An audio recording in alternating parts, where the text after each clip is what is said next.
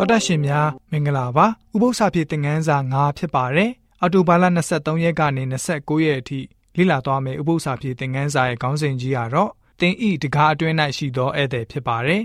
ဖတ်မဲ့ကျမ်းချက်တွေကတော့ရှမာကုခရစ်ဝင်ခန်းကြီး7နှစ်အငယ်29ကနေ31တရားဟောကျမ်းခန်းကြီး30အငယ်1ကနေ19ဆန်လန်ကျမ်းခန်းကြီး146အငယ်9ကနေ30ရှမသက်ခရစ်ဝင်ခန်းကြီး9အငယ်7တရားဟောကျမ်းခန်းကြီး29အငယ်19 ရှင်ယာကုတ်ဩဒစာအခန်းကြီး1အငယ်20ခွန်ကနေအခန်းကြီး2အငယ်17အထိဖြစ်ပါအခန်းကြီး2အငယ်17တို့ဖြစ်ပါတယ်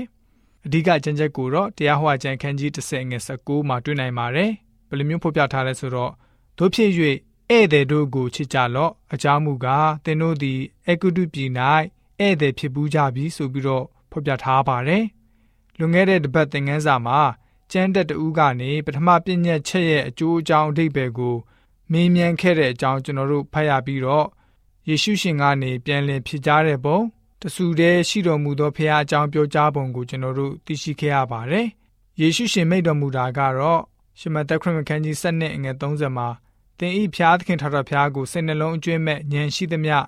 အစွမ်းတတ္တိရှိသမျှနဲ့ချစ်လို့ဤပညာသည်ပထမပညာဖြစ်၏ဆိုပြီးတော့မိတ်တော်မူခဲ့တာတွေ့ရပါတယ်။နောက်ဆက်တွဲအဖြစ်ယေရှုရှင်ဟာဒုတိယပြည့်ညတ်တော်အကြောင်းကိုဆက်လက်မိန့်တော်မူပြန်ပါတယ်။ အဲ့ဒီအကြောင်းကိုကျမ်းတက်က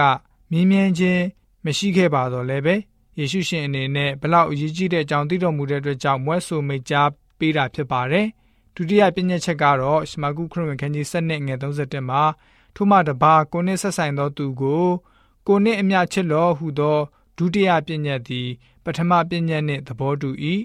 ဤပညာတို့ထက်သာ၍ကြီးမြတ်သောပညာမရှိဟုပြန်၍မိန့်တော်မူဆိုပြီးတော့တွေ့ရပါတယ်။အဲ့ဒီပညာတွေထက် ကြီးမြတ်တဲ့ပညာမရှိတော့တာလား။ယေရှုဖျားဟာထာဝရဖျားကိုချစ်ရမယ်လူလူချင်းကိုချစ်ရမယ်လို့ပညာချက်အပေါင်းကိုပြန်ပြီးတော့ပေါင်းချုပ်လိုက်ခြင်းပဲဖြစ်ပါတယ်။ပေါင်းချုပ်ထားတဲ့ပညာတော်ဟာအကြီးမြတ်ဆုံးပဲဖြစ်ပါတယ်။အမှန်ကတော့ယေရှုရှင်ဟာ